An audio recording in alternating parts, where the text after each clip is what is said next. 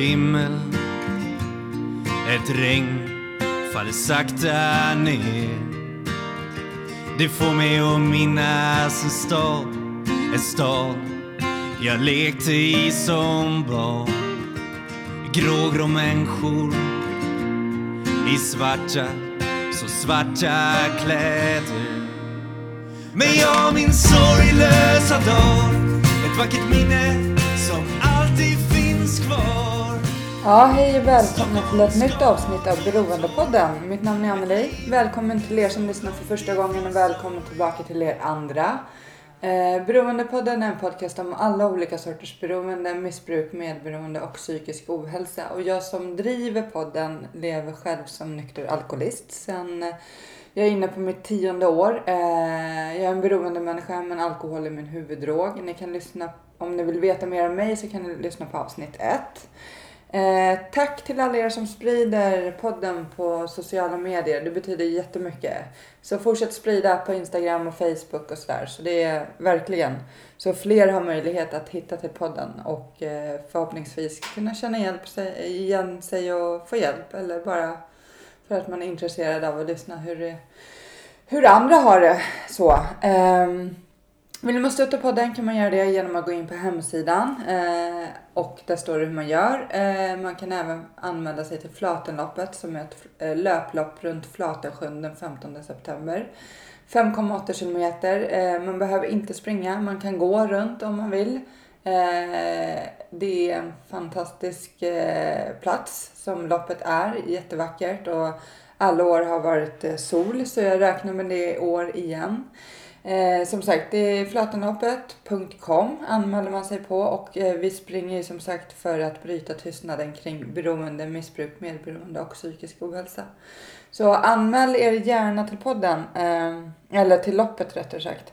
Eh, jag vill också tacka Erik Bring, jag glömmer det. Eh, men det är hans fantastiska musik som jag hör i början på varje avsnitt och i slutet.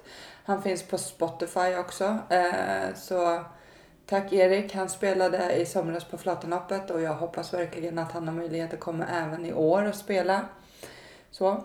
Hemsidan, hjälp att få. Om du själv känner att du behöver stöd och hjälp så finns det faktiskt lite länkar på hemsidan under fliken hjälp att få. Så in och kolla där om du känner att du behöver vända dig någonstans. Så Ja, nej men jag släpper in dagens eh, fantastiska gäst istället.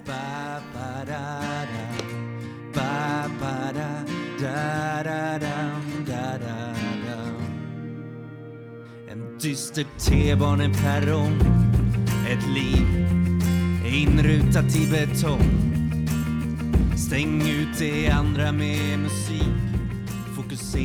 Ja, hej och välkommen till Beroendepodden av Adam Reuterswärd. Halloj, halloj. Hej. Ehm, du är marknadschef på öppenvårdsbehandlingen Spelfriheten. Yes, det stämmer bra. Så detta avsnitt kommer handla om spelberoende. Och du, du själv har en bakgrund med, som spelberoende. Ja. ja. Eh, och har nu lite mer än två år blir det när det här avsnittet släpps. Yes. Ja, vi tar ut två år i förskott ja, här. För vi, det är ju så med de här avsnitten. Jag spelar in dem och sen släpps de ju vart eftersom. Så det kan ju ta några veckor innan avsnittet släpps. Ja. Men vilket fall som helst. Eh, jag vill jättegärna höra mer om vem du är, vart du kommer ifrån, hur du har sett ut och mm. så. Så du får börja berätta. Ja, schysst. Ja, eh, ja nej men jag, jag är 36 år idag. Eh, jag är eh, uppvuxen i eh, Bromma i mm. Stockholm. Väldigt sådär kärleksfull uppväxt. Inte haft beroende i familjen överhuvudtaget. Utan egentligen så, ja, allting har varit hur bra som helst. Mm. Men det, det, kan ju ändå gå som det går liksom. Jag, jag har väl framförallt när jag tittar tillbaka på min barndom så har, har det alltid varit så att jag, jag har ställt mig utanför och jag har känt mig utanför. Eh, ett, och det, det, har nog väldigt mycket att göra med, till viss del, att jag är, jag är adopterad. Mm. Och ja, där jag växte upp så fanns det inte så många som, som var mörka. Eh, så att eh, på grund av det så ställde jag mig nog utanför. Jag har aldrig varit mobbad eller liksom eh, alltid haft mycket kompisar och allt sånt. Men att just den här grejen med att man, jag såg annorlunda ut. Att det, det tog ett tag för mig att vänja mig vid det liksom. Mm.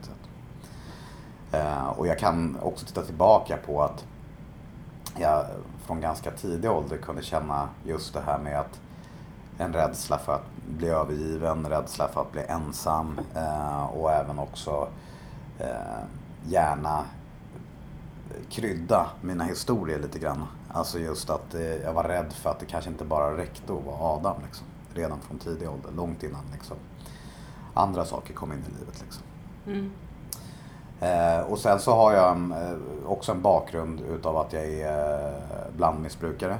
Eh, jag har väldigt lätt för att bli beroende utav saker och ting. Liksom. Och när jag kom upp i tonåren så kommer jag ihåg att första gången när jag drack alkohol eh, så hade jag, som säkert många hade, inte en så bra upplevelse utan låg i något dike och var väl nerspydd och bara kände att eh, jag tappade kontrollen helt. Men jag kände ändå från hela mitt hjärta att eh, det var skönt att stänga av. Mm. Eh, och att eh, det här måste jag lära mig att tycka om. Eh, och sådär. Så att, eh, det var också någonting som jag kommer ihåg att de som jag hängde med på den tiden att så här, ah, oj, du kanske inte tål det här. Liksom det, oj, vad du spårar ur liksom. Eh, det här kanske inte är någonting som du borde göra så ofta liksom. Medan jag kände precis tvärtom att det här, det här måste jag verkligen göra Mm. oftare liksom, och lära mig tycka om det. Så att, eh, det var väl ett sånt här minne som jag har att de som jag umgicks med, de drack för att ja, det kunde vara kul och det hörde till eh, att bli, komma in i vuxenlivet lite sådär. Medan jag, jag drack för att typ slippa känna eh, och få lugn och ro. Eh, jag har alltid haft väldigt, väldigt, väldigt mycket tankar som snurrar inom mig. Eh, haft svårt att koncentrera mig på en sak utan det är väldigt mycket eh, tankar som hela tiden snurrar. Och jag har aldrig gjort någon undersökning huruvida jag har ADHD eller ADD eller något sånt där, men jag kan lista ut med lillfingret att eh, jag mest troligt har eh, något utav dem i alla fall. Liksom. Eh, jag kommer också ihåg från den där tiden att ju äldre jag blev, alltså när jag var uppe i gymnasiet och, och sådär, att jag tyckte att det var väldigt, väldigt kul att festa. Jag tyckte att det var eh, det här sunda förnuftet som många eh, som jag har umgåtts med har haft. Att liksom man går ut en fredag och så har man jättekul och så får det vara bra för ett tag. Eh, det, det fanns inte i min värld utan det var väldigt ofta så, här, så kul som jag hade dagen innan. Då hade jag en, en måttstock att gå på att det här måste jag bräcka redan dagen efter. Liksom. Mm. Och eh, det blev väldigt mycket eh, tankar på att när är nästa fest hela tiden. Från att ha varit eh, duktig i skolan och seriös och plugga och liksom bra betyg och sådär så gick det över till att jag tyckte att det var roligare och roligare att hänga med vänner och framförallt festa. Eh, vilket också gjorde att jag fick sämre och sämre betyg för att jag la inte eh, lika mycket tid på, på skolan som jag kanske borde. Eh, jag också från den åldern så, så jag testade eh, röka hasch och gräs och sådär eh, under gymnasiet för några tillfällen. Men vid varje tillfälle så eh, fick jag snedtändningar och mådde fruktansvärt dåligt. Eh, och eh, jag kommer ihåg att jag sa till mig själv att det här ska jag aldrig hålla på med. Bara för att eh, det var en skillnad för mig också att när jag drack då stängde det av känslan. Eh, men jag lärde mig ganska snabbt hur mycket jag kunde dricka för att inte ligga i ett dike och vara nerspydd utan liksom få ut maximalt utav alkoholen. Just med, med, med gräs och hasch, det som jag tyckte var väldigt obehagligt det var att jag tappade jag tappade mig själv helt och hållet och jag hade verkligen ingen kontroll vare sig på kroppen eller den mentala biten och det var väldigt obehagligt. Så att från att jag testade röka när jag var ja, 16-17 så hade jag en, en ganska lång paus från egentligen alla droger. Eh, förutom alkohol då, som jag egentligen aldrig har tagit en paus från. Eh, och där strax, strax efter att jag eh, tog studenten och fyllde 18 och flyttade hemifrån och började tjäna egna pengar och sådär. så tog jag även det här som vi pratade om i början att jag alltid haft ett intresse för spel och tyckt att det har varit väldigt kul. Men eh, där när jag var 15, 16, 17 så var det på en sån nivå då mer att jag tryckte in några kronor, några 20-lappar eller några 100-lappar i såna här Jack Vegas-maskiner och stod och spelade med kompisar eh, på så här lokala pizzerior runt om i Bromma. Och det var, ja, det, var, det hade inte spårat ur fullständigt men eh, tittar jag tillbaka på den tiden så kommer jag ihåg att på samma sätt som jag upplevde med alkoholen så, så tyckte jag spelet var väldigt mycket roligare än vad mina kompisar tyckte. Mm. När de ville gå tillbaka och äta upp pizzan så kände jag så här, varför vill de äta för när vi kan spela? Mm. Alltså mm. lite så. Så att jag eh, kommer ihåg den där befriande känslan utav att jakten på att kunna faktiskt vinna någonting stort. Och även fast det egentligen var ganska små vinster eh, så var det ändå den här pirrigheten och jakten på att få någonting. Men också kommer jag ihåg från den tiden att jag också kunde stänga av och bara fokusera på att vara här och nu i spelet liksom och inte tänka på någonting annat. Så där när jag blev 18 och flyttade hemifrån så eh, handlar det ju väldigt mycket om också det här med att för första gången så skulle jag behöva ta ansvar för mitt, mitt egna hushåll. Och eh, jag fick in en viss summa varje månad från mitt jobb och jag hade massa utgifter som alla andra med hyror och vad som skulle behöva inhandlas och sådär. Och redan egentligen från och med första månaden så fick jag det inte att gå ihop på grund av att jag spelade. Mm. Och jag kommer ihåg det skämmiga med att varför får jag inte en vanlig månad att gå ihop? Eh, jag är inte en dum kille. Hur kan jag prioritera så jäkla fel då det blir att jag hamnar i en situation då jag måste ljuga, då jag måste låna pengar eller att jag måste sälja aktier och fonder som inte alls är till för att säljas för att man ska få en månad att gå ihop. Eh, så det är så tidiga minnen utav när jag skulle liksom ansvara för mitt egna liv. Att jag fick ganska snabbt konsekvenser framförallt utav hela livsstilen som var festa och spel. Men det var ju framförallt spelet som gjorde att jag fick de här ekonomiska konsekvenserna tidigt. Eh, jag kommer också ihåg att jag väldigt snabbt kom in i, i ett mode då jag kände att räkningar behöver nog inte betalas. Eh, och det är också så här, när man tittar tillbaka på den tiden, funderar jag på så här, hur, hur tänkte jag då liksom? Eh, det är alltid lätt att, att vara efterklok men jag la alla mina pengar på, på spel och fest. Och eh, ofta så hänger ju de, de beroendena ihop. Liksom, att när jag hade spelat bort mycket pengar, då var jag tvungen att dämpa det med alkohol. När jag hade vunnit mycket pengar, då var jag tvungen att fira med alkohol. Och när jag hade gått plus minus, eh, då var jag tvungen att gå ut och festa. Eh, bara för att det var inget kul att bara sitta hemma. Så mm. det var ju liksom så här, oavsett resultat från spelet så blev det ändå att jag tog till alkohol. Eh, och så. Och oftast i kombination med varandra. Liksom.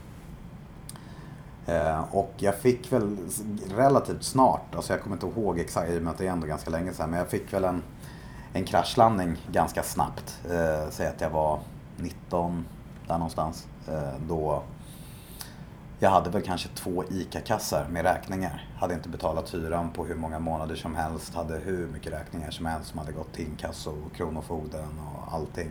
Eh, och tog kontakt med eh, mina föräldrar och sa att eh, ja, jag strular till det lite grann. Liksom.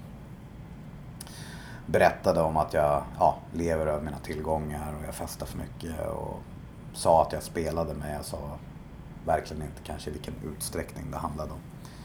Och som alla kärleksfulla föräldrar som bara vill att det ska gå bra för sina barn så eh, hjälpte de ju mig. Eh, mm. Och betalade av Eh, jag kommer ihåg nästan alltihopa, pang bom. Eh, men självfallet med vissa restriktioner att vi vill att det går att prata med den här terapeuten och liksom försökte hjälpa mig efter sin, sin bästa förmåga. Liksom. Och som med alla kraschlandningar som jag har haft så kan jag komma tillbaka och se att när jag får hjälp från mina nära och kära så är det ju självfallet att jag känner en enorm tacksamhet för att jag slapp få de allra jobbigaste konsekvenserna. Så då har det alltid funnits en viss styrka och vilja att göra dem glada eh, till en början. Så att självfallet så har jag direkt efter att jag har fått alla skulder lösta så har jag oftast skött mig ett tag. Men på grund utav att jag faktiskt inte fick de här jobbiga konsekvenserna så har ju min sjukdom funkat på det sättet att ja, men det här var ju ganska enkelt. Eller liksom, det, det löste sig ju ganska smidigt. Och just när det kommer till spelet så att när, när jag får mina nära och kära att gå in och betala allting som jag har spelat bort då finns det alltid eh, den där lilla sista bakdörren öppen med att jag är nog ganska duktig på spelen då. Eh, jag har bara haft väldigt mycket otur. Och det är någonting som ja, jag kan känna igen mig hos andra spelberoende när man pratar om att man har liksom spelat i hela sitt liv och haft hur många kraschlandningar som helst. Att allt är så här. Jag hade ju väldigt mycket otur i perioder. Men jag har ju varit fantastiskt duktig på att spela. Alltså den här självförnekelsen liksom. Så att, eh, jag började ganska snabbt spela igen. Eh, det som också bör tilläggas är väl att det har alltid varit jäkligt viktigt för mig att utåt sett så ska jag visa upp mig som världens gladaste person. Att jag ska vara, det ska vara kul att umgås med mig, jag ska vara en energispruta. Jag ska ha hur mycket vänner som helst. Jag vill att alla ska tycka om mig. Eh, och eh, framförallt så ska jag vara väldigt framgångsrik. Eh, just för att jag valde att gå en väg då jag inte pluggade på högskola utan jag valde att börja jobba direkt efter gymnasiet. Som ensam egentligen i kompisgänget valde jag den vägen. Så då hade jag också lite så här att bevisa att det går utan utbildning att lyckas. Liksom. Mm. Uh, och uh, ett par år senare så kom nästa kraschlandning uh, som var också baserad på spel framförallt. Då hade jag bättre jobb, jag tjänade mer pengar och jag hade större möjligheter att ta lån. Mm. Så att eh, då var nästa procedur att eh, ringde upp föräldrarna igen och kom kanske, jag kommer inte ihåg, men om det kanske var fyra ICA-kassar den här gången. Liksom. Eh, Med räkningar och, och sådana här saker. Och liksom, ah, men jag strulade till det och, och sådär. Och eh, den här gången så fick jag fortfarande hjälp, eh, inte lika lättvändigt men eh, då skulle jag för första gången också gå på lite sådana här spelberoendemöten som finns. Eh, det finns ett förbund som heter Spelberoendes riksförbund som har möten i Stockholm i, Hjorthagen där man träffas i spelargrupper och anhöriggrupper och sitter och pratar om varför vi spelar och hur ska man sluta spela och sådär. Så det var ett krav från mina föräldrar att om vi ska hjälpa dig så behöver du gå där och du ska träffa en terapeut eh, också eh, för att ta hand om, eh, så att du ham slipper hamna, eh, hamna i de här situationerna. Liksom. Eh, och det var också så här slående, jag kommer ihåg när jag var där att jag kände på mina första möten så kände jag igen mig på vad alla pratade om. Det var som att de pratade om mig. Eh, jag fick ett jätteschysst välkomnande. Men innerst inne så ville jag inte sluta spela. Eh, och eh, jag kommer ihåg också att jag var ju duktig redan. Alltså man lär sig ju att manipulera och, och sådär. Så att jag kommer ihåg att det var några, det var en eller två på hela det här mötet, det var ett ganska stort möte, som berättade om att de hade gjort oärliga eller kriminella handlingar för att kunna fortsätta spela. Så då när jag åkte med mina föräldrar därifrån så sa jag så att jag vet inte hur mycket de här mötena ger bara för att det sitter ju, det är ju i princip bara kriminella där inne. Liksom. Mm. Och i och med att vi är uppvuxna där vi är uppvuxna och kommer från där, där jag kommer ifrån så var det lite så här, oh, vänta, är det massa kriminella i de här grupperna? Det hade inte vi någon aning om. Då kanske inte det är så bra. Eh, och det var ju det svaret jag ville ha egentligen. Liksom. Så att eh, då fortsatte jag gå hos en terapeut eh, men jag gick inte så länge på de där mötena. Och eh, väldigt snabbt därefter så fortsatte jag att spela.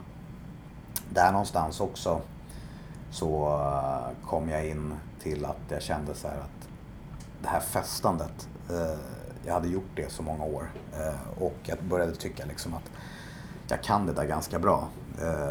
Jag tyckte inte att det var riktigt lika kul och då dök det upp i mitt bakhuvud att jag hade ju några kompisar som eh, från gymnasietiden hade rökt mycket gräs och, och hasch och fick det att funka redan på gymnasiet. Eh, och de, for, alltså, de fortsatte ju eh, med det eh, även efter gymnasiet och då blev det lite så att jag bara fan, det kanske skulle kunna vara schysst att och ge det där en chans. Bara Mm. byta från, från alkoholen till, till någonting annat. För att eh, ja, jag är trött på just festbiten. Liksom.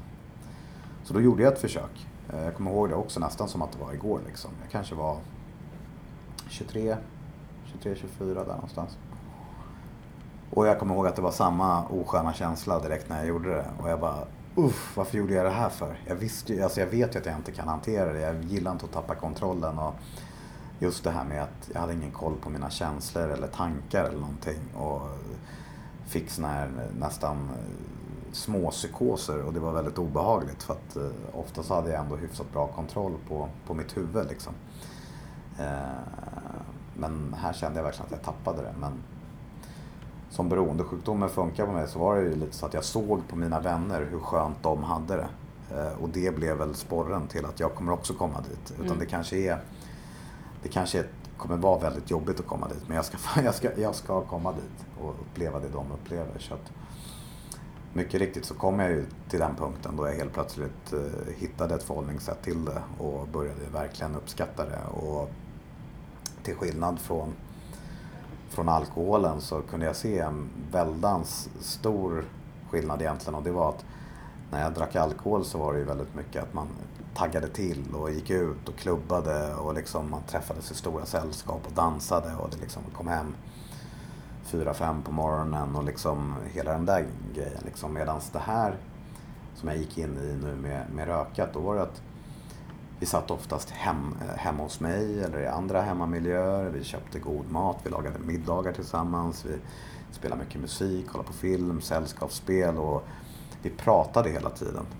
Inte skrek, utan pratade och liksom det blev som att jag fick verkligen nästintill som ett uppvaknande. Att varför har jag inte hållit på med det här tidigare för? Det här är ju jättemysigt liksom.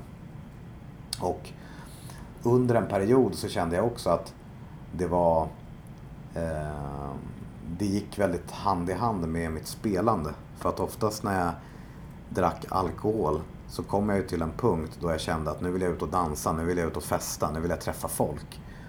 Eh, Medan när jag rökte så blev jag lugn. Och det stängde av allt och jag ville gärna vara hemma.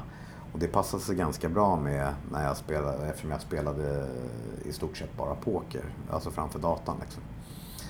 Så att eh, det där gick liksom hand i hand och samtidigt som, som jag gjorde det här så eh, bytte jag bransch. Jag hoppade in, jag hade varit i restaurang och butikssvängen och liksom jobbat mig upp Eh, på båda bolagen eh, i olika grader eh, och kände väl att nu, nu vill jag pröva någonting annat och då hoppade jag in vid den där åldern i, i försäljningsbranschen och tyckte att det var fantastiskt kul.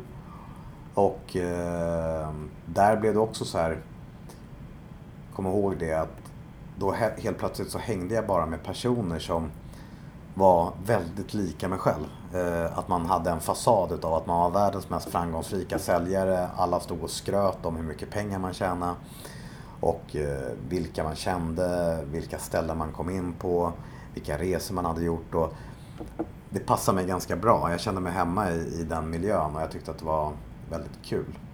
Så att eh, där kan man väl säga att jag ja, började tjäna betydligt mer pengar vilket också gjorde att mitt spelande blev eh, på en helt annan nivå. Det var större insatser och det blev väldigt snabbt och ohanterligt. Och jag fick väl min tredje kraschlandning tätt därefter eh, då jag på samma sätt egentligen svårt skuldsatt, tog alla lån jag kunde ta, eh, lånat pengar från höger till vänster, eh, lånat pengar utav vänner och på den nivån också så att jag självfallet har fått ljuga för att få låna. Och att jag glömmer bort vad jag sagt. Så jag kommer också ihåg liksom från den tiden när jag i mitt lilla huvud tror att inte mina vänner ska prata med varandra. Eh, och jag hade ju inte kommit ihåg vad, vad jag hade sagt. Så det var ju så här. Jag kunde dra till med så här sjuka grejer liksom. Så, äh, men jag har ju fuktskada på, på någon landställe liksom. Så här, men jag har ju inte ens något landställe liksom.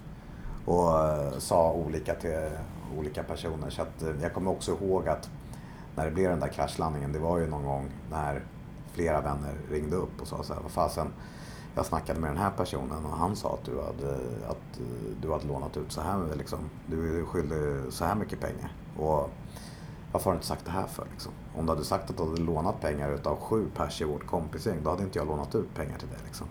Och du har ju sagt olika saker också. Och då blev det ju helt ohanterligt för just den här grejen med när man, som jag, alltid haft masker, alltid haft hemligheter. Att när, när jag liksom börjar bli synad och korthuset håller på att ramla ihop, det blir ju helt ohanterligt och jag får panik. Men jag la mig i alla fall pladask vid det tillfället och bad om hjälp igen. Eh, från såklart föräldrar och vänner och, och sådär. Eh, den här gången så fick jag egentligen tyvärr då samma hjälp igen. Alltså fick hjälp ekonomiskt men med också vissa kravbilder att gå och prata med den här terapeuten, gå på, på de här insatserna och, och så. Jag gjorde det eh, för att det var så himla skönt att hela tiden bli räddad eh, och inte få de där allra jobbigaste konsekvenserna. Men eh, det jag kan känna är väl också att i den här säljvärlden som jag levde då i, då blev det som att det började komma in eh, andra droger i mitt liv också. Eh, det började liksom ecstasy, kokain fanns tillgängligt och det var väldigt många som tog det. Eh, jag började också ta det, testa det. Eh, och framförallt så blev det från det här med att vara hemma sittandes, röka mycket, spela mycket poker och ha en fasad utav att du jobbar. Eh, det började ändras om lite till att igen så blev det att jag, jag hängde mycket ute på krogen eh, och festade och framförallt festade med andra droger och andra människor. Men sen ville jag ju inte släppa rökat och pokerspelandet också så det blev mera istället att ja, det blev mindre tid varje dygn att sova. Mm. För att jag ville få in allting liksom. Och eh, det där löpte på. Och som man tänker på, jag accelererade i jobb, jag eh, blev försäljningschef. Eh, eh, och hjälpte andra att bli framgångsrika genom försäljning på lite olika bolag. Liksom.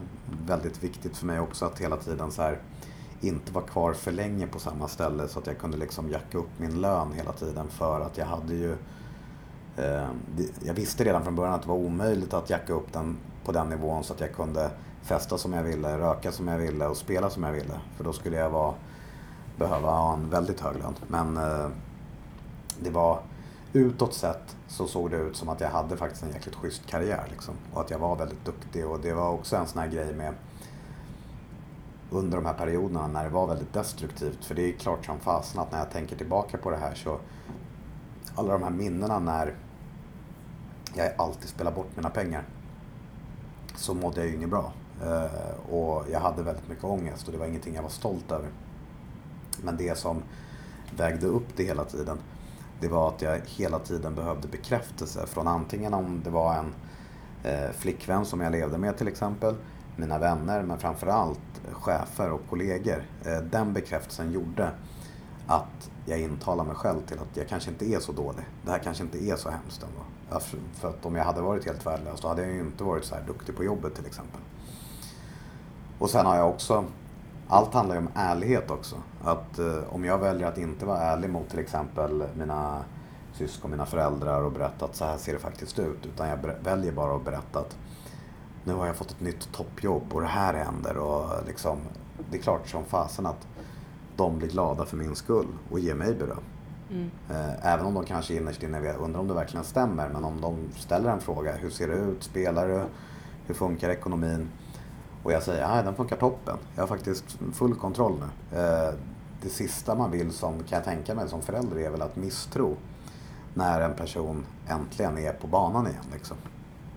Så att eh, jag jobbade på med det där och fjärde kraschlandningen kom väl, eh, vad kan jag ha varit, säg att jag var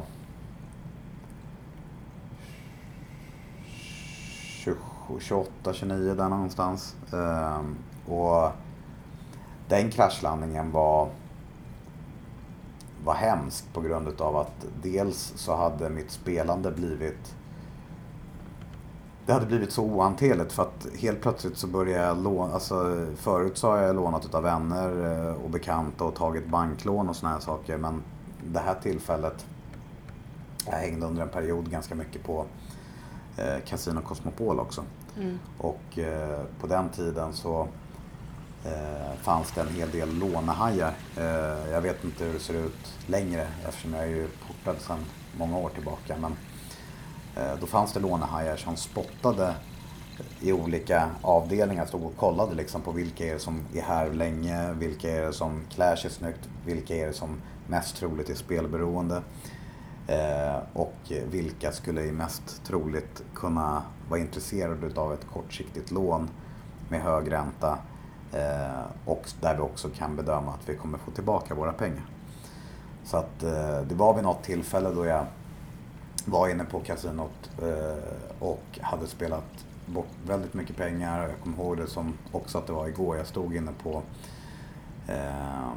en toalett på Cosmopol och sköljde ansiktet med kallt vatten och liksom så här, vad är det jag håller på med liksom.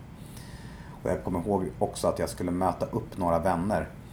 Eh, så det var en kompis som fyllde år eh, och jag hade redan sagt innan att jag hade mycket pengar på fickan. Så att ikväll kommer det bli helt galet och det är jag som ska bjuda ikväll liksom. Så då hade de förväntningar på vad som skulle ske. Och eh, när jag stod och sköljde ansiktet med kallt vatten så hade jag, jag hade ju inte en spänn kvar liksom var helt nolla. Och så visste jag att de satt hemma i, i Bromma och förfestade och skulle komma in till stan och möta upp mig för att vi skulle ha en grym kväll. Så det var också panikläget utav att inte bara att jag spelat bort allt utan också shit vad hemskt att bli synad igen utav kompisar att det stämmer inte det som jag har sagt liksom. Eh, och då var det bara en kille som kom in och så sa han bara Tjena tjena. Eh, fan du, det har gått bra idag. Eh, och jag tittade, bara, gått bra? Så, ja, vad fan, alla kan ha lite otur. Och så räckte han bara fram en bunt, eh, en sedelbunt till mig. Och jag kollade på honom, han var ganska kort, eh, såg trevlig ut. Så, där. så jag bara tog bunten och bara, okej, okay, schysst liksom. Eh, sen sa han inte alls mycket mer utan han bara gick därifrån. Och lämnade mig med den där sedelbunten. Och det där är också så ett tecken på hur hur kidnappad mitt huvud var och hur liksom speldjävulen hade mig i sitt fulla grepp. För att det enda jag känner det är så här, vilken tur jag hade. Liksom att han dök upp här. Och vad schysst att han upplever att jag har en bra kväll. Och med tanke på hur mycket bra saker jag har gjort så är jag ju värd att få den här eh, bunten. Det var nog en gåva från Gud. Alltså det var verkligen så starkt att jag kände så. Eh, innerst inne så självfallet så fanns det väl så här, hur är det här ens möjligt? Men självförnekelsen är så stark, för det enda jag vill det är att fortsätta spela och vinna tillbaka allting. Så det trycker jag ju bort direkt liksom. Så jag går ut, eh, spelar och det tar ju inte jättelång tid innan allting är borta igen. Liksom. Och eh, summan som jag fick eh, var 60-70 tusen eh, i en eh, sedelbunt. Och eh, jag sticker, jag kommer ihåg det så tydligt, jag sticker hem. Stänger av min mobiltelefon. För det var också, det hände ett par gånger. När jag hade förlorat allt och eh, jag mådde för dåligt och jag hade lovat massa folk att dyka upp eller liksom sådär. Då körde jag mer än gärna strutsen.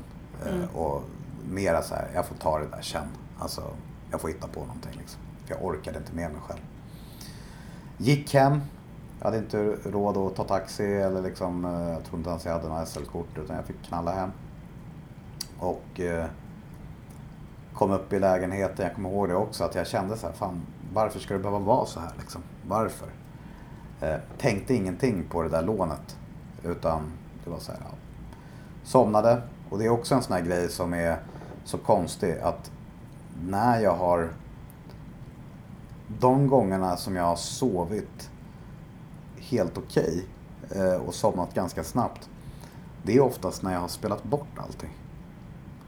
Just det här destruktiva med att eh, har jag haft kvar pengar eller har jag vunnit pengar då har jag svårt att koppla av för att då vill jag spela mer. Eh, och om jag har vunnit pengar då kanske jag säger varför slutar jag spela? Jag är ju on the roll liksom. Jag måste ju fortsätta.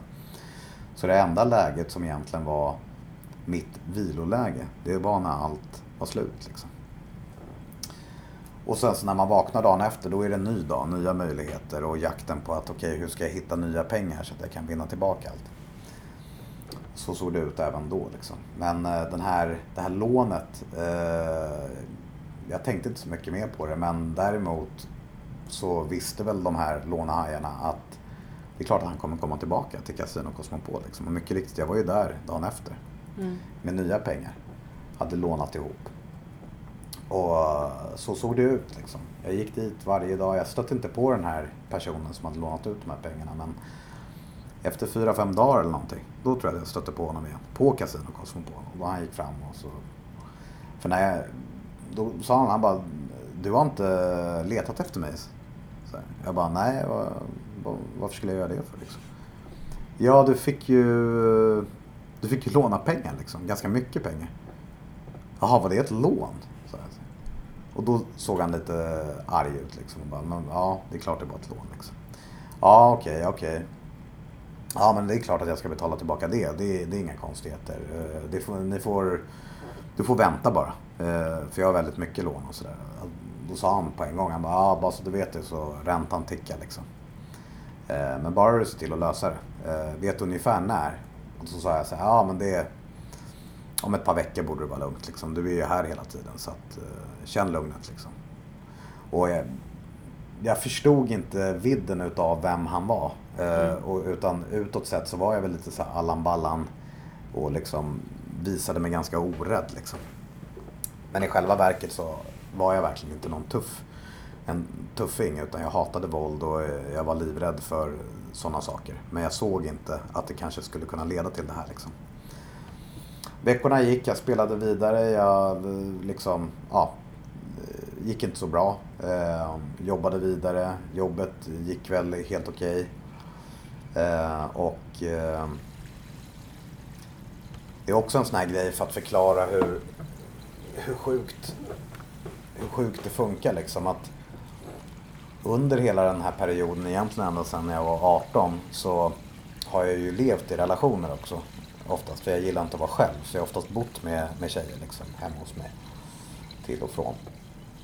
Och just den här perioden när jag var väldigt mycket på Casino Cosmopol. Då var det också så att jag eh, ville ju också ha det här seriösa förhållande livet. Och kommer jag ihåg också när jag tittar tillbaka på det att det kunde vara så här att jag, jag tänkte på spel hela tiden och så kommer man hem efter jobbet och så lagar man en middag, sitter och pratar. Kanske gör någonting, går på bio, eh, och har trevligt och myspys och hela det, där, hela det liksom. Men det enda jag tänker på är när ska jag få spela? Då hade jag under en ganska lång period så att jag liksom gick och la mig tillsammans med min tjej. Eh, väntade tills hon hade somnat och sen så smög jag upp ur sängen och stack iväg till kasinot. Mm. Och sen så såg jag alltid till att komma, satte klockan på att jag påminner mig själv om att när kasinot stänger, då åker jag hem och då får jag vara väldigt tyst och så kryper jag ner igen. Och så där har det sett ut i olika perioder, just det här med att leva i hemligheter fast man ändå delar livet med någon. Och att jag alltid har trott att de har ingen aning. Men eh, så här nu i efterhand när eh, ja, alla egentligen vet vad jag har gjort och inte gjort och sådär så har jag förstått att även fast jag trodde att jag var världens bästa manipulerare och att jag kunde dölja allting superbra så så har det inte varit så alla gånger. Utan att personerna i fråga har märkt det. Eh, mm. Men ja, har valt att inte konfrontera det utan hoppats kanske att jag bara ska ta mitt förnuft till fånga och bli vanlig. Liksom. Så. Men den här skulden i alla fall, det, det började bli läbbigare och läbbigare och de började faktiskt göra de gjorde ett hembesök eh, utanför mitt hem eh, då de blev hotfulla. Och då blev jag rädd Eh, jätterädd. Och de började även eh, nämna eh, personer som jag hade näras adresser och liksom frågade trivs de bra där de bor och såna här saker. Och då började jag inse så här, fan nu har mitt spelande fått kon sådana konsekvenser så att jag utsätter andra för fara. Liksom. Vad, vad håller jag på med liksom? Och då blev det att jag fick panik. Eh, började tänka hur ska jag lösa det här och då, jag menar räntan tickar ju hela tiden så de här 60-70... Vad, var, vad var deras ränta på? Ja. Eh, I slutändan när allting löste sig så betalade jag nästan 100, 160 eller 170 eller någonting. Så det var ju ganska saftig ränta. Mm. Eh, Men sen var det vid ett tillfälle då de gjorde ett hembesök och det där hembesöket sätter verkligen, ja, det stry, understryker hur, vad som händer om man är spelberoende och inte gör någonting åt sitt problem och sätter sig i sådana här situationer. För jag kommer ihåg det också väldigt tydligt. Det var, jag väntade på några kompisar som skulle komma hem till mig. Och de skulle komma hem och vi skulle röka lite gräs, spela tv-spel, laga middag, ha det jättemysigt. Så att eh, de, eh, jag ringer dem och så vet jag att så här, jag, den här, eh, ja jag ringer dem, ber kolla var de är någonstans, de säger att de är på väg hem till mig. Så att jag sätter upp, låser upp dörren. Och sen så går jag in och duschar. Och eh, när jag står i duschen eh, och ska ta mig ur och står och torkar mig så här, då hör jag hur en dörr öppnas. Eh, men badrumsdörren är ju stängd. Men jag hör hur min ytterdörr öppnas och sen så hör jag också hur någon låser den inifrån. Och redan där så vet jag att det är inte mina kompisar. Eh, och den vetskapen när jag är egentligen en livrädd kille och inser att jag är skyldig, jag är skyldig pengar till några som inte är så trevliga. Eh, och eh, de är mest troligt i min lilla lägenhet just nu. Mm. Det var helt ohanterligt. Stå i ett litet badrum och bara, vad gör jag liksom? Så att eh, det var det ja, värsta som hade hänt någonsin. Och just den här skräcken med, ska jag öppna? Vilka kommer jag möta? Vad kommer hända? Mina kompisar är på väg hit. Alltså just det här med att livet håller på att ramla ihop. Och jag dessutom hade ju inga pengar på mig. Och så när jag kommer ut där så kommer jag ihåg att eh, då satt det en välklädd person som jag aldrig hade sett förut och sen så satt det två lite större personer. En satt i min fåtölj och två satt i min soffa. Och var som nästintill på film liksom. Mm. Jag tänkte säga, Ja. det låter som... Ja. Och eh, det var så jäkla obehagligt. Och eh, jag var så rädd och de såg upp mig att jag var jätterädd. Eh, och eh, de hade vapen. Och det var, det var något helt nytt för mig. Jag hade aldrig kommit i kontakt med vapen liksom. Så, och den typen av människor. Så jag började ju, jag fick ju panikångestattack, började gråta. Alltså ble, blev ju helt knäckt liksom. Och eh, ja, de sa väl egentligen att eh, nu har du två veckor på dig eller en vecka eller någonting. Annars kommer det hända någonting väldigt obehagligt. Som du inte kommer repa dig ifrån liksom. Eh, så. Och jag var livrädd. Jag låg ju bara ner på golvet och bara sådär. De lämnade och eh, hur det funkar var också att efter att de lämnade så det enda jag kände till viss del var så här, gud vad skönt att inte mina kompisar har kommit. Eh, de kommer snart komma. Jag kommer inte behöva känna det här. Då kan jag gå in i min lilla bubbla igen. Så att eh, de kom ju strax efteråt. Och då bara på med en mask. Eh, Tjena grabbar, kul att ni kom. Sätter oss ner, kör våran grej. Och jag berättar inte för dem såklart. Och eh, när de hade gått så låg jag och tänkte så här att nu måste jag lösa det här. Det här var det hemskaste. Vad håller jag på med? Och jag lyckades på olika sätt skrapa ihop de här pengarna. Eh, så att jag kunde betala dem i alla fall. Och eh, allt kring de här, den här lånehajen eller liksom den, det gänget som låg bakom. Det var det mest ohanterliga som hade hänt på ett sätt i hela mitt liv. Och även när jag skulle lämna över pengarna så var det så här att jag vill aldrig mer hamna i den här situationen. Jag har aldrig varit så rädd i hela mitt liv. Eh, nu måste jag ta tag i det här liksom. Nu, nu får det vara slut. Och eh, trots det så började jag väl spela ett par månader senare igen. Och bara liksom sätta fingret på det här med att det alltid finns en, en ny botten. Man tror att man har nått sin botten men det finns Mm. alltid en ny botten. Och eh, nu när jag tittar tillbaka på det och känner den där rädslan när jag var i badrummet och jag hör att det är någon som är i min lägenhet. Och hela den här grejen med vapen och allt sånt där. Liksom att, att jag trots det bara några månader senare känner att jag hade nog mest otur. Alltså när man ändå är en framgångsrik, duktig, vettig, smart person i så många andra avseenden. Men att det där... Eh, jag vill inte sluta spela. För jag vet att jag är duktig. Att det är så starkt så att jag liksom återvänder hela tiden. Liksom. Det är helt galet. Och eh, i samma veva strax därpå, jag jobbade vidare, jag bytte, bytte bransch efteråt. Eh, en dröm gick i uppfyllelse. Jag hade möjlighet att starta ett eget bolag inom den digitala världen, en byrå eh, som skulle syssla med strategier. Eh, tyckte att, jag tyckte att det var fantastiskt. Eh, jag kände väl att eh, det kan nog vara smart eh, att vara egen. För då har jag mycket ansvar och få vara med och bygga upp någonting och kunna tjäna de riktigt stora pengarna. Det kanske kommer faktiskt kunna hjälpa mig med mitt spelberoende och jag kanske kommer också kunna lugna ner mig lite med, med rökat och alla de här grejerna. Liksom. Så jag fick en liten, minst sagt en nytändning liksom och tyckte att det var eh, skitkul och började, innan jag drog igång det här bolaget, började jag som anställd i, i eh, i ett modebolag. Eh, för att veta lite hur, hur de jobbade och lära känna deras kunder och, och lite sådär så att jag skulle bli varm i kläderna. Och under tiden jag gjorde det så formade jag ju planen för det här nya bolaget som jag skulle få starta och bli delägare i. Och, eh, jag var väldigt taggad och det var jätte, jättekul och allt sånt där. Liksom. Men sen var det ändå någonting som gjorde att jag eh, mådde inget bra liksom. Jag var inte happy. Jag saknade massa grejer i mitt liv. Jag låg efter ekonomiskt som fasen fortfarande i och med att takt med att jag har varit spelberoende i så många omgångar så även om jag liksom tjänar bra med pengar och lyckats liksom lösa mitt liv i olika omgångar till, på grund av att jag har haft väldigt snälla föräldrar och vänner och sådär så har jag alltid legat efter på något sätt. Så att jag kom in i en, i en kraftig dipp igen eh, innan egentligen jag hade kommit igång med bolaget där. Och, eh, eller om det var i samma veva som att vi startade. Eh, jag kommer inte riktigt ihåg det här men ja.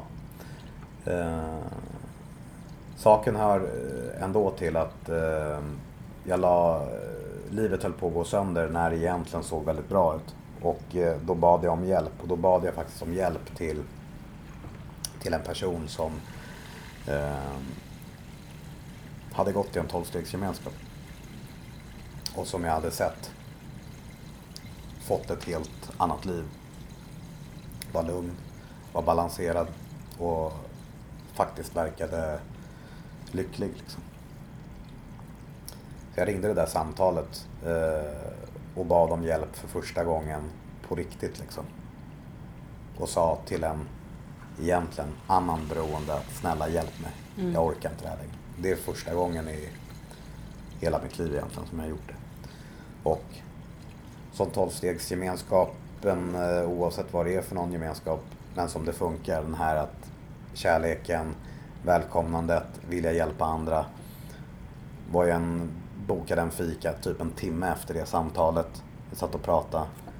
Personen i fråga pratade om att det finns en lösning, det finns ett bättre liv. Eh, du kommer kunna ta dig ur det här, även om det känns ohanterligt. Och sen så, någon timme senare gick vi på vårt första möte. Liksom. Han tog med mig till det första mötet. Och där, eh, där och då så var det faktiskt första gången jag var 29, eh, skulle fylla ganska snart 30. Eh, där och då så kände jag i det rummet där det satt väldigt mycket personer att för första gången så var jag del utav ett sammanhang där jag kunde känna igen mig. Liksom. Mm. Eh, alla personer i det där rummet, de såg absolut inte ut som mig allihopa. Men jag har aldrig varit i ett sammanhang heller då jag ser så många olika människor som jag dömde ut bara baserat på hur de såg ut, var de kom ifrån, vad de hade liksom på sig och allt sånt. Och ändå när alla öppnade munnen och pratade om sina innersta känslor så kunde jag känna igen mig i någonting hos allihopa. Liksom. Så att eh, det var verkligen ett, eh, ett, eh, ett uppvaknande liksom. Och jag kände verkligen att det här vill jag ha mer utav. Nästan att liksom den här beroendegenen blev riktad för första gången på på att man vill ha mer utav någonting som faktiskt är bra. Liksom. Den här kompisen som tog med mig, han sa också så här, tänk på att fokusera på, på likheterna, inte på skillnaderna. Eh, vi är hyfsat lika eh, och även om du tycker att eh, det är schysst och allt sånt så kommer du garanterat fokusera på olikheterna. Eh, för det är så sjukdomen funkar liksom. Och där var det mycket riktigt så. Av, jag tror att det var 50-60 pers på mitt första möte. Och så var det en person som berättade om att eh, han hade varit uteliggare och använt sprutor. Mm. En person utav 60 och jag kommer ihåg när jag gick ut därifrån så bara, nej det här är nog ändå ingenting för mig för det är bara heroinister och uteliggare. Dömer ut en hel gemenskap bara på grund av att jag var rädd. För att jag någonstans kände så att det här skulle funka för mig. Och jag har aldrig liksom haft någonting framför mig som jag vågat tro ska funka. Så det var ju rädsla det handlade om. Liksom, att uff vad obehagligt att vara så nära någonting som faktiskt skulle kunna vara en lösning. Då är det nog bättre att hoppa över det. Liksom. Ehm, det var jätte, jättestort liksom. Det som hände också var att jag, om bara tänker resan liksom. Jag, han den här vännen sa också att tänk på att gör det som rekommenderas liksom. Och ha inga invändningar liksom, utan gör det. Glöm inte att det är format från andra beroende liksom. Och prata om alla dina besattheter. Prata om alkohol, prata om eh, rökat, prata om eh, andra grejer, spelet liksom. Lägg allting i samma beroendebegrepp liksom. Ja, ja, men det ska jag göra. Problemet var bara att jag såg inte alkohol som en drog. För att de sista sju, åtta åren så hade jag ju använt andra grejer. Och då tyckte jag inte att det var så nice med alkohol. Och eh, i och med att ända sedan jag var 18 så det enda jag velat är att folk ska tycka om mig, älska mig och vilja vara med mig. Så att jag såg alltid till att inte dricka på det sättet så att jag blev otrevlig, för högljudd eller tog över, blev våldsam, alltså sådana saker. Utan jag såg alltid till att dricka så att jag var rolig eh, och att folk ville hänga med mig. Jag har aldrig blivit till exempel så här, utslängd från nattklubbar eller liksom så här, ställt till med massa sådana grejer. Liksom. Så att där hade jag också en invändning för att alla sa ju i min närhet så här, men fine att du ska liksom ta tag i rökat och spelet sådär men fan du ska ju inte sluta dricka. Du har ju för fan aldrig haft problem med det. Så jag gick i den här tolvstegsgemenskapen men eh, ja, slutade inte dricka. Eh, och eh, eftersom jag hade ju inte druckit så mycket de sista sju åren. Det enda som hände var att helt plötsligt så märkte jag ju att jag var tvungen att dricka varje dag. Mm. Eh, inte eh, mig redlös, men efter jobbet var jag tvungen att dricka typ två till tre starköl. För att när jag skulle komma hem och bara leva livet på livets villkor så var jag tvungen att vara lugn liksom på något sätt. Och eh, det som var så stort med den här gemenskapen, tolvstegsgemenskapen, det var att min kompis kände ju mig väldigt bra. Så han körde inte någon pekfingerstil eh, med mig fast han visste att jag drack. Utan han sa hela tiden eh, stort att du har hittat in och stort att du har slutat med, med dina huvudgrejer. Eh, mm. Det, det, krävs mod liksom. Fortsätt, göra, fortsätt med det. Liksom. Gå på möten, gå på ditt nästa möte, prata om vad du känner. Nämnde ingenting om det andra. Liksom. Hade han gjort det så hade jag nog inte suttit här idag eh, och varit eh, nykter i lite mer än sex år. Liksom. Men han gjorde inte det. Och jag skaffade sponsor, eh, mörkade att jag drack. Eh, jag tog mina medaljer, alltså för 30 dagar, 60 dagar, 90 dagar. För jag ville ju vara en del av, jag ville få beröm. Jag tyckte att jag var duktig för att jag hade ändå slutat med många grejer. Mm. Och sen så var det väl vid något tillfälle att eh, jag satt med mina ny, nyfunna vänner eh, och eh, pratade på ett fik på Söder. Kommer ihåg det också som att det var igår. Eh, och någon sa så här, du ser lite konfundersam ut. Och då kände jag att jag hade fått tillräckligt med mod. Så jag sa, eh, satt fem pers, blandat tjejer och killar. Jag bara, ja, visst har jag sagt att jag dricker? Så blev det helt knäpptyst runt hela bordet. De hade betydligt längre eh, nykterhet än mig. Alla bara, eh, nej, det har du nog glömt att säga liksom. Jag bara, ja okej. Okay. Nej men det, är det, det, det, har liksom inte varit något direkt problem för mig så att eh, jag vill ändå vara ärlig och säga det. Ja men du, och så var det någon som sa men du har ju tagit brickor och sådär. Alltså, hur tänker du kring det liksom? Och så, ja, nej, det är kanske inte så bra liksom. Och så frågade de, hur mycket dricker du? Så, nej men jag, Nej, det blir ju typ varje dag liksom. Och så blev det ju som att jag bröt ihop det liksom. Mm. Och den sista masken började lyftas av och liksom. Och då fick jag bara kärlek. Jag trodde att jag skulle bli bortdömd liksom, att du får inte vara med. Men alla sa så här, fan, bättre att vara ärlig liksom. Det, det, du ska kunna titta dig själv i spegeln varje morgon och varje kväll. Och känna att du är stolt över eh, din nykterhet, din spelfrihet, vad det nu handlar om. Om du inte gör det, då bör du titta på vad är det du håller på med egentligen? För då är det antagligen att du har hemligheter eller att du är inne i andra besattheter och då syftet är ju att kunna vara stolt över det vi gör. Liksom. Och då väcktes det någonting hos mig och så ringde jag upp min sponsor för att de rådde ju mig till det liksom. Och så sa jag till honom, jag bara du, jag har snackat med några vänner här efter ett möte och jag behöver erkänna en grej. Eh, jag vet dock inte om jag har sagt det till dig. Han bara, ja vadå då? Ja, jag, jag har väl nämnt att jag dricker. Och han var helt knäpptyst i telefonen också. Bara, nej, det, det har du glömt att berätta. Du har inte nämnt det liksom. Nej, nej jag börjat inse att det kanske är en smart grej att jag kanske ska börja om liksom, på riktigt. Och då sa han också, ja men det är klart du ska göra det. Liksom. det är, den första tiden som du har skrapat ihop är ju inte heller eh, förgäves. Liksom. Alla har sina olika processer. Liksom. Det är väl bara stort att du har lyckats lägga ner några eh, utav dina beroenden men nu, nu gör vi det på riktigt. Liksom. Mm. Så då började jag om. Så att det var första januari 2012. Eh, då tog jag, som det kallas för, en vit bricka och började om. Och liksom, nu, nu ska jag göra det på riktigt. Liksom. Och, och slutade helt med alkohol och droger? Ja. Men spelandet? Spelandet eh, slutade jag med där och då. Eh, jag, då fick jag ju också den här nytändningen med det här nya bolaget. Så att nu när jag tittar tillbaka så kan jag se så att jag bytte egentligen spelandet mot arbetsmissbruk. För att nu ska jag tjäna pengar på riktigt. Eh, så att när jag kom igång, gick på möten, jag gick på jättemycket möten och började jobba i stegen på riktigt och liksom sådär. Men jag gick in eh, med fel, eh, jag gick in med fel inställning. Jag jag la inte alla mina beroenden i samma beroendebegrepp utan jag, jag stirrade mig blind på vad tolvstegsgemenskapen hette och tänkte att så länge jag bara håller mig inom de där riktlinjerna med tanke på vad det heter, då gör jag väl alla rätt liksom.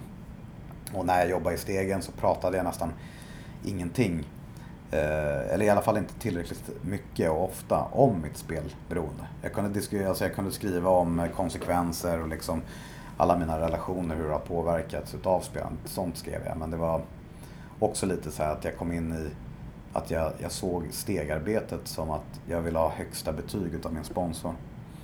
Inte att fan jag gör ju det här för min egna skull liksom. Eh, om inte jag lär mig det här och förstår det, då kommer jag inte kunna praktisera det i livet. Det blev mer att det blev skoluppgifter som jag ville ha bra betyg på liksom, för att mm. kunna fortsätta. Och sen att det var ett arbetsmissbruk så att jag gick på mycket möten för att kunna liksom landa och det var terapeutiskt och jag fick nya vänner och liksom allt det där liksom. Men eh, eh, den här bakdörren eh, kring spelet, den, den var inte stängd. Eh, liksom. Och åren gick. Eh, det var tufft också, ska tilläggas i början. Alltså när jag slutade med allting. Även fast jag jobbade väldigt mycket så till exempel sådana här panikångestattacker och åka in till psykakuten och sådana här saker som jag aldrig hade gjort i hela mitt liv eller fått eller varit nära. Fick mig också förstå att det kommer inte vara enkelt att bli helt hundraprocentigt drogfri när man har hållit på som jag har gjort med olika beroenden egentligen ända sedan jag var liksom 15-16. Så att hela min kropp reagerade och varenda gång jag fick en panikångestattack trodde jag att jag skulle dö liksom. Så att jag tog till mig programmet och tolvstegsgemenskapen och gick på möten i princip varje dag. Och eh, verkligen hittade hopp med att det kommer bli bra för mig också eh, hos andra. Liksom. Så just den här identifikationen med att Eh, jag kände igen mig i vad alla sa och att de ohanterligheterna som jag gick igenom, det hade andra gått igenom och kommit ur som starkare personer. Så att det, Ja, verkligen den tolvstegsgemenskapen att tacka för så himla mycket. Och, eh, det är också såna här grejer som jag kan tänka tillbaka på ibland. att De här rekommendationerna som man får i såna här gemenskaper, det är fine, det är rekommendationer om man ska följa dem. Men många av de här rekommendationerna är ju faktiskt jättetuffa. Liksom. Mm. En rekommendation är ju så här att eh, byt lekkamrater, eh, leksaker och, och lekplatser liksom. Mm. Och det är ju för väldigt många och inklusive mig själv, det var ju helt ohanterligt. Så här, personer som jag har känt i 15 år, 10 år, till och med kanske 5 år, men som man har umgåtts med och använt dygnet runt, sju dagar i veckan med. Man, jag hade ju trott att det var ju min familj liksom. Vi var så nära varandra, vi kände varandra, vi har så mycket gemensamt. Men att eh, det var också en sån här grej som det tog tid för mig att lära mig det. Men eh, efter ett tag, tack vare de som har gått före, att eh, jag lyckades bryta med dem och berätta varför jag bröt med dem. Och eh, som min sponsor sa då var så här att om du träffar dina vänner och du känner att du måste sätta på dig en mask eh, för att bli accepterad i det umgänget och att eh, om du känner även när du åker därifrån att du känner dig utanför, du är tom på energi, du mår inget bra. Då är inte det rätt sorts umgänge för dig. Liksom. Och det var jäkligt tufft när den verkligheten kom ikapp. Att det jag trodde var min familj, alltså min extra familj, alltså mina vänner som liksom var så nära mig. Att det var så många som jag inte alls hade så mycket gemenskap, alltså gemensamt med. Liksom. Mm. Så att jag fick liksom ta avstånd och, och klippa banden till väldigt många. Och, så. och sen självfallet, många vänner som jag hade var ju inte beroende och använde inte. Så att de har ju funnits kvar liksom. Men det är ändå tufft. Men sen, om man tittar på resan i den här tolvstegsgemenskapen så var det väl någonting som hände. Säg att jag hade, ja, säg att det var tre år in kanske i, i programmet, alltså tre år in i min nykterhet. Eh, lite mer kanske, det är så här lite luddigt. så eh, började det strula i en relation. Och eh, jag tyckte synd om mig själv. Jag kände mig, eh, jag var rädd för att bli övergiven. Eh, jag kände att jag som gör så mycket med mig själv, jag driver ett bolag, jag har byggt upp det från scratch. Eh, jag har varit nykter så himla länge. Någonting måste jag väl få göra. Och då tog jag och testade att spela. Då hade jag inte spelat på ganska länge. Det som jag kan se tillbaka till det är att det finns olika former av spelfrihet. Jag hade inte spelat på ett tag, eh, men jag hade inte lämnat spelet. Utan jag tänkte mycket på spel. Jag eh, tittade mycket på spelfilmer, alltså pokerklipp på Youtube. Eh, jag rörde mig i spelrelaterade miljöer och framförallt kollade väldigt mycket på pokermaterial fortfarande. Mm. Vilket inte är särskilt smart. Så att eh, jag kommer ihåg det som det var också igår. Jag hade inte riktigt den tiden som krävdes för att stoppa ner på poker. Eh, så att eh, jag tänkte med all reklam och allt som man läser i tidningarna om att de här enarmade banditerna på nätet. Det ser kul ut och det verkar ju gå snabbt. Och där kan man vinna väldigt mycket pengar på jättekort tid. Det här, jag har ju alltid haft tur. Alltså lite så. Så att eh, jag kommer ihåg att jag satte in jag satte in 2000 kronor. Och fem minuter senare så hade jag vunnit drygt 350 000. Och jag gjorde en utbetalning till mitt konto. Och när jag gjorde den utbetalningen och det stod att det, det här kommer vara dig till handa inom 24 timmar eller om det stod 48 timmar. Då satte jag mig ner, slog ihop datorn och så tänkte jag så här varför har jag inte spelat på så här länge för? Varför försöker jag bygga ett framgångsrikt företag när jag är duktig på enarmade banditer? Eh, och det, den känslan var så extremt stark. Eh, och eh, jag kände en sån tacksamhet för att jag äntligen hade hittat tillbaka till någonting som jag alltid har varit duktig på. För hur många personer sätter in 2000 kronor och fem minuter senare gör en utbetalning på 350 000. Eh, inte så många. Jag har talang, jag är bäst, jag är duktig. Och sen efter det så var det igång igen. Liksom. Mm. Blev helt ohanterligt på en gång. Eh, började spela mer och mer. Eh, varenda gång som jag spelade eh, så tänkte jag även, det spelar ingen roll hur mycket jag förlorar. Det enda jag tänker på är att jag vet att jag har satt in 2000 spänn och fått tillbaka 350 000. Och det är det här som är så konstigt med spelberoendet. Att jag är egentligen ganska duktig med siffror. Jag är snabbtänkt och jag har lätt för siffror.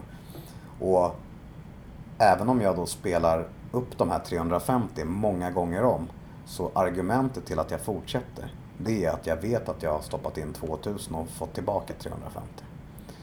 Och det var det som egentligen var drivkraften under hela mitt spelåterfall. Mm. Och samtidigt utåt sett var en produktiv medlem i samhället, var, var extremt delaktig i en tolvstegsgemenskap. Göra service, ta emot nykomlingar, jobba i de här stegen, öppna möten, eh, stanna kvar efter möten, driva det här bolaget, ha massa anställda, vara en bra chef, vara en bra, vara en bra sambo, vara en schysst bror, vara en schysst son. Hålla ihop det här pusslet med att äntligen har jag hittat något som funkar och alla mina nära och kära, vad duktig han är som liksom bygger bolag, är nykter. Äntligen har han hittat liksom sin fulla potential. Den enda som visste att jag var på väg mot helvetet innerst inne, det var ju jag. Och ju längre jag har en hemlighet om att jag har börjat med spel eller en annan besatthet som är destruktiv, ju längre jag behåller den för mig själv, desto svårare blir det ju för mig att berätta om det. Mm. Och desto större blir ju konsekvenserna. Så jag höll på med det här återfallet i spel i nästan ett och ett halvt år. Jag bör tilläggas också att eh, jag drev det här företaget med eh, tre andra. Varav i alla fall två var riktigt nära vänner. Eh, och eh, varav en var även den eh, personen som eh, hjälpte mig väldigt mycket i början också. Liksom. Så att eh, det, ja, det är så konstigt för att det, jag var så stolt över det som jag tillsammans med de här hade lyckats bygga upp. Liksom. Och jag kände verkligen att vi var på väg mot någonting bra. Eh, på samma sätt som jag var helt besatt utav spelet. Liksom. Och när jag liksom hade tagit alla privata lån man kunde ta. När jag hade sålt min lägenhet för att frigöra mer pengar. Eh, så från ingenstans så kom det också som en sån här skänk från ovan att du har ju tillgång till företagskontona. Där borde du kunna låna. För du har ju ändå dragit igång allt det här. Och det är ju bara ett lån. Klart du kommer betala tillbaka det för du kommer ju vinna något jättestort. Och det där var liksom som en gräns som jag i efterhand kan se att den gränsen, för det var ju inte mina pengar liksom, det var bolagets pengar. Men när den väl hade fastnat i mitt huvud så var det liksom in, in, det var inget svårt att gå över den gränsen. Utan jag gjorde det för att jag hade hela tiden ett tänk att det här ska eh, betalas tillbaka. Och eh, ja, vad ska man säga? När, man, när jag var helt uppslukad utav speldjävulen och helt plötsligt kommer på att jag, jag kan ju faktiskt låna utav mitt egna bolag som dessutom går väldigt bra. Och att egentligen då är det som en bank som inte ställer några frågor. Så blev det väldigt snabbt ohanterligt. Och eh, lögnerna avlöste varandra. Och framförallt den här enorma ångesten att veta att så fort någon ekonomiansvarig, någon av delägarna mässade, mejlade, ringde så här. Har du mm. tid att komma in här? Ring, viktigt. Eh, vi behöver prata. Eller vi har sett någonting. Alltså sådär. Så fort det var någon sån kontakt, vilket kanske skedde i alla fall minst fem till tio gånger om dagen, sju dagar i veckan. Eh, varje gång trodde jag att nu har de upptäckt vad jag håller på med. Och det här pågick i ett och ett halvt år. Så den tortyren att leva med Samtidigt som du ska hålla upp en fasad om att du är företagsledare, en duktig chef, en bra son, en bra sambo, världens bästa kompis och framförallt en väldigt, väldigt aktiv och inspirerande tolvstegs eh, gemenskapsmedlem. Nu i efterhand när jag tittar på det så fattar jag inte hur jag orkar. Men det jag kan förstå är hur stark sjukdomen är. Och eh, börjar man avvika från det som rekommenderas och framförallt som i mitt fall börjar ha hemligheter och inte vara ärlig. Eh, så spelar det ingen roll eh, att du har x antal år i en tolvstegsgemenskap. Det spelar ingen roll eh, att du går på massa möten, att du har en sponsor eller att du har sponsorer. För att sjukdomen är så pass stark och självförnekelsen kommer ju tillbaka på två sekunder. Och sen skammen av att faktiskt erkänna. Eh, den, den blir snabbt helt... Eh, jag, ble, jag var helt oförmögen att faktiskt slänga in handduken snabbare. Mm. Och eh, 21 februari 2016 eh, så var datumet då jag faktiskt berättade, eh, tog mig mod och berättade för eh, de övriga delägarna.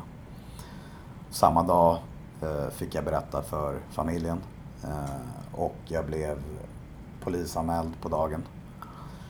Eh, jag fick berätta för de anställda att de mest troligt kanske inte kommer att ha något jobb kvar. Eh, och jag fick berätta för alla kunder som jag hade varit i kontakt med sista, ja vad det var, sju åren. Att vi ska inte prata om någon ball kreativ digital kampanj utan jag strular till det och ni kommer inte se mig på ett tag. Eh, så. Så när jag kom hem i min lägenhet jag tror att det var en tisdag, mitt på dagen. Så satt jag där. Och så tänkte jag så här, jag hade en lösning. Jag hade någonting som fungerade. Alla mina drömmar hade gått i uppfyllelse. Och nu sitter jag här och det här med fängelse, institutioner och död som många tolvstegsgemenskaper pratar om eh, när man går på ett möte. Det var en av de största invändningarna jag hade när jag klev in på mina första möten. För jag hade varit så långt ifrån det.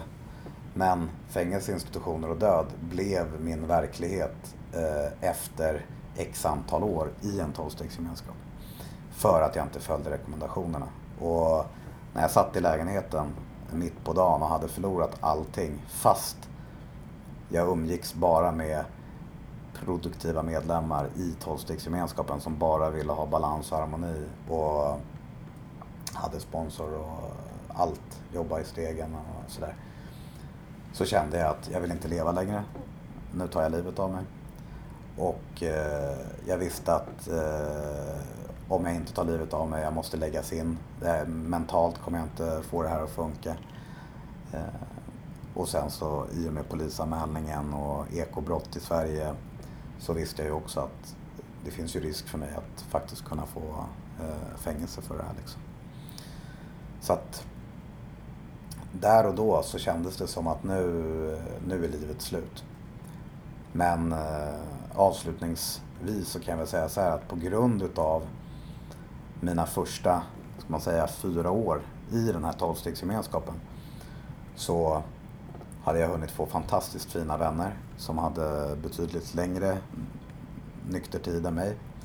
Eh, och eh, jag hade också tappat önskan om att sluta använda droger. Jag hade liksom tappat en, jag hade tappat det här med att om jag strular till det så vet jag att en lösning är inte att börja röka eller kröka igen.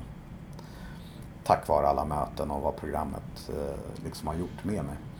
Så att den kombinationen med att jag också hade en fantastisk familj som faktiskt trots det här stod kvar, stöttade och liksom tryckte på rätt saker. Att liksom, tänk vad fantastiskt att du faktiskt inte har tagit till flaskan eller börjat röka. Nu när du har liksom förlorat allting. Du kommer ta dig igenom det här. Vi finns här. Eh, och det som också var så schysst, det var att mina föräldrar för första gången rakt ut sa så här. Bara så att du vet det. Vi kommer inte hjälpa dig med en krona. Nada. Du har levt halva ditt vuxna liv. Du måste lära dig eh, det här från grunden. Du har haft en lösning som verkar ha fungerat och ändå så fick du det inte att funka. Gör om, gör rätt. Vi står bakom dig i alla avseenden. Men när det kommer till konsekvenserna och det ekonomiska, det får du lösa själv. Och för första gången när de sa det så kände jag så här, vilken befrielse det var att jag äntligen skulle få ta hundraprocentigt ansvar. Jag ville liksom inte ha pengar från någon. Jag ville ta ansvar för det här och jag visste att vägen tillbaka kommer vara fruktansvärt jobbig. Men den vägen tillbaka måste jag ta mig igenom för att det här inte ska kunna hända igen. Liksom. Så att det, det var tufft. Det var så jäkla tufft. Men tack vare att jag ändå hade fyra år i en tolvstegsgemenskap och liksom många grejer hade jag kunnat ta till mig så fick jag ganska snabbt upp ett hopp om att om jag stoppar ner spelberoendet på riktigt i samma påse som alkohol, gräs, shopping, whatever liksom. Allt mm. som jag har haft problem med liksom. Och jobba med det som ett och samma eh, beroende eh, och är hundraprocentigt ärlig i allt. Eh, då kommer det här funka. Och så, ja, det är ju snart två år sedan. Eh, jag gjorde ett strategiskt val. Inte, min första sponsor var fantastisk men i och med att jag hade valt själv att undanhålla massa grejer och sådär så ville jag få en ny start med bygga upp en tillit till, till en ny person så jag bytte sponsor. Eh, jag tog en sponsor som var känd i den här gemenskapen för att liksom eh, ja, du ska göra stegen på ett sätt. Gör du inte det enligt den här takten så får du leta efter en ny sponsor. Alltså verkligen så här rätt hardcore men jag behövde det liksom. Och eh, har gått på möten i princip varje dag. Eh, börjat också tacka ja till eh, när folk frågar om jag ska bli deras sponsor. Tidigare så tackade jag ju alltid nej för att jag visste ju att innerst inne så har jag inte så mycket att ge. Så att allting samlat eh, så sakta men säkert så har jag fått upp eh, ett hopp. Och också en grej som är rätt slående att den där dagen när jag förlorade allt, det var ju den värsta dagen men det var samtidigt den bästa dagen. Mm. Det var första natten på nästan ett och ett halvt år som jag sov utan att vakna en enda gång på åtta timmar. Och befrielsen utav att jag behöver inte gömma det här längre eh, var helt fantastisk. Även fast konsekvenserna är så stora. Och det är också ganska slående att jag aldrig känt mig så fri som jag gör idag. Och då ska jag ändå upp i en rättegång eh, om en dryg vecka. Mm. När vi släpper det här avsnittet, då har det varit rättegången. Ja. Så jag kommer lägga in kanske i slutet hur det har gått ja. till lyssnarna. Så, men, ja. Så att det, och sen har det blivit också att eh, en väldigt stor del i den här processen har väl varit att jag har kunnat lista ut att det här med jakten på pengar och karriärstänket, att liksom bara vilja tjäna mer och mer och mer jag behöver hitta andra drivkrafter när jag ändå har ett spelberoende och har haft det så jäkla länge. Så det som jag liksom har gjort under den här tiden är ju framförallt att hur kan jag hjälpa andra eh, med min historia? Mm. Hur kan jag liksom någonstans kunna ge andra spelberoende någonting som jag hade behövt få vid någon av mina kraschlandningar tidigare.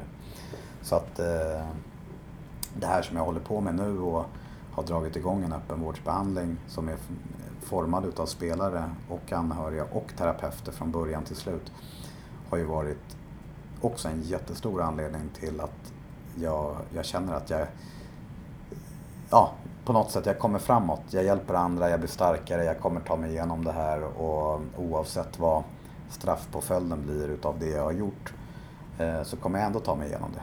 Och eh, eh, det finns så mycket, alltså mycket saker med just det här med att kunna hjälpa andra som jag under de där fyra första åren faktiskt inte gjorde. Utan jag var väldigt egoistisk i att nu ska jag tjäna jättemycket pengar. Jag är liksom manisk i bolaget och prioriterar bort väldigt mycket grejer som egentligen är väldigt viktiga i livet. Och... Men har du, när du var aktiv, var det liksom att du tänkte att vinner jag så här mycket, tjänar jag så här mycket så blir jag lycklig? Liksom, var det... Mm. Jag tror att det har alltid varit så att jag alltid känt att eh, en viss summa på kontot ska göra mig lycklig.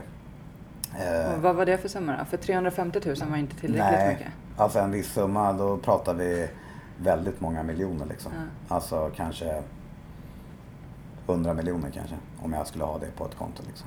Att då kommer jag vara nöjd. Mm. Men nu så här i efterhand så jag skulle inte vara nöjd med det.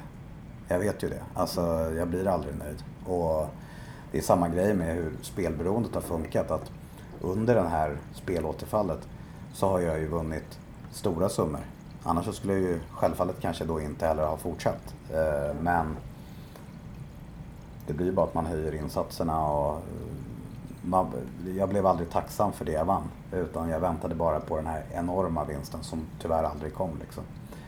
Eh, men om den hade kommit så är det jättesvårt att svara på. Men som spelberoende funkar så alla de som jag har stött på, när de väl har vunnit en enorm vinst så har de ju inte löst någonting. Utan alla har bara fortsatt. Bara att det har blivit mer destruktivt. Så att... Eh, nej, jag, jag kan känna... En annan grej som är bra eh, är ju att det finns en eh, ideell organisation eh, som heter Spelberoendes riksförbund som har sådana här självhjälpsmöten både för spelare och för anhöriga som har också betytt enormt mycket under de här två åren eh, som komplement till den andra tolvstegsgemenskapen. Eh, och det eh, just den här identifikationen när jag förlorade allt, eh, när jag går i den andra tolvstegsgemenskapen, då får jag det här dagliga och det hjälper mig jättemycket. Men att just träffa likasinnade som har spelat bort allt. Eh, det, det gör någonting lite extra. Alltså att man sitter i grupper och alla kan känna igen sig. För just den här grejen som jag sa till dig i början att jag kan fortfarande nu när också rättegången börjar närma sig när jag tittar på att spelar jag bort mitt företag som det tog hur många år som helst att bygga upp på enarmade banditer. Det är ju ingenting som jag kan stå bakom. Jag vill ju inte stå Mm. bakom det för det, är så extre- det låter så extremt sjukt. Och det är ju sjukt. Men eh, att kunna sitta i en grupp med folk som har gjort ungefär samma sak i olika modegenrer men de känner igen själva spelandet. Det har ju gett hopp om att jag inte är ensam. Jag kommer greja det här. Och samma sak, de här anhöriggrupperna. Att föräldrar, sambos, syskon eh, kan gå och träffa andra anhöriga. Eh, så, och höra vad de har gjort och vad som har funkat för dem. För det är ju just med spel, du kan få sådana enorma konsekvenser på så jättekort tid och det blir alltid oftast fler som blir drabbade. Mm. Eh, Så att jag är extremt tacksam för just den föreningen. Eh, Och är det någon som lyssnar som har spelberoende eller känner någon som har spelberoende så kan jag verkligen tipsa om eh, om man vill komma igång snabbt Mm. med någonting som är gratis och där, liksom är, där ingen dömer en överhuvudtaget. Så åk till Hjorthagen på onsdagar klockan sex. Det är då de är om man bor i Stockholm. Liksom. Ja. Jag lägger en länk på hemsidan Ja. också så att folk hittar till eh, dit. Eh, vad heter det? Nej men alltså gud, tack så jättemycket för din historia. Eh, vilken vilken eh, film det kommer bli, tänkte Aha. jag säga. vilken resa och vilka vandrat. Ja, det där var Adams historia. Eh, som sagt, jag ser fram emot att se den som film någon gång i framtiden. När det här avsnittet släpps så har Adam fått sin dom. Han fick eh, två år och sex månader. Han kommer överklaga. Adam, lyssnar du? Tiden kommer gå asnabbt och vi finns där ute när det kommer ut igen. Eh, och till er andra som är inne i, i spelberoende, låt det inte gå så långt som det gjorde för Adam, utan ta tag i det nu. Och som sagt på hemsidan så finns det hjälp att få. Tack för att ni lyssnar. Stockholms gator och torg. Ett liv så långt ifrån sorg. Ba ba da da. Ba ba da da. Ba ba da da da da da da da.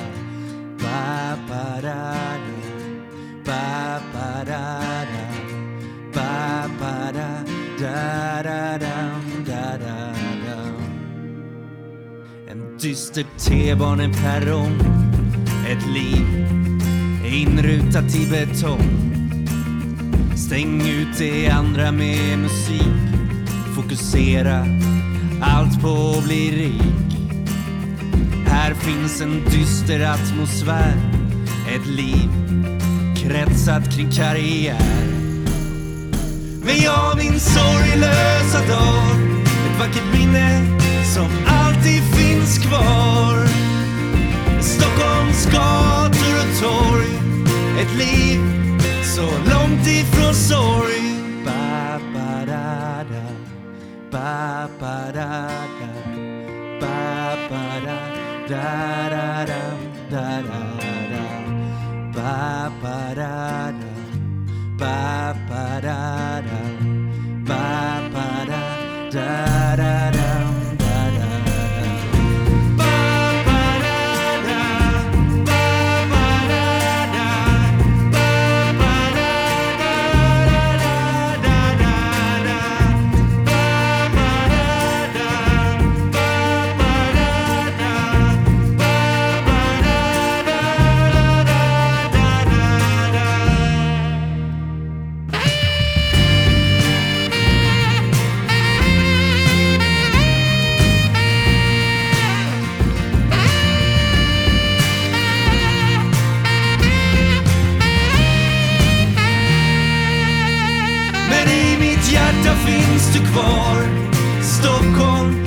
Mina drömmars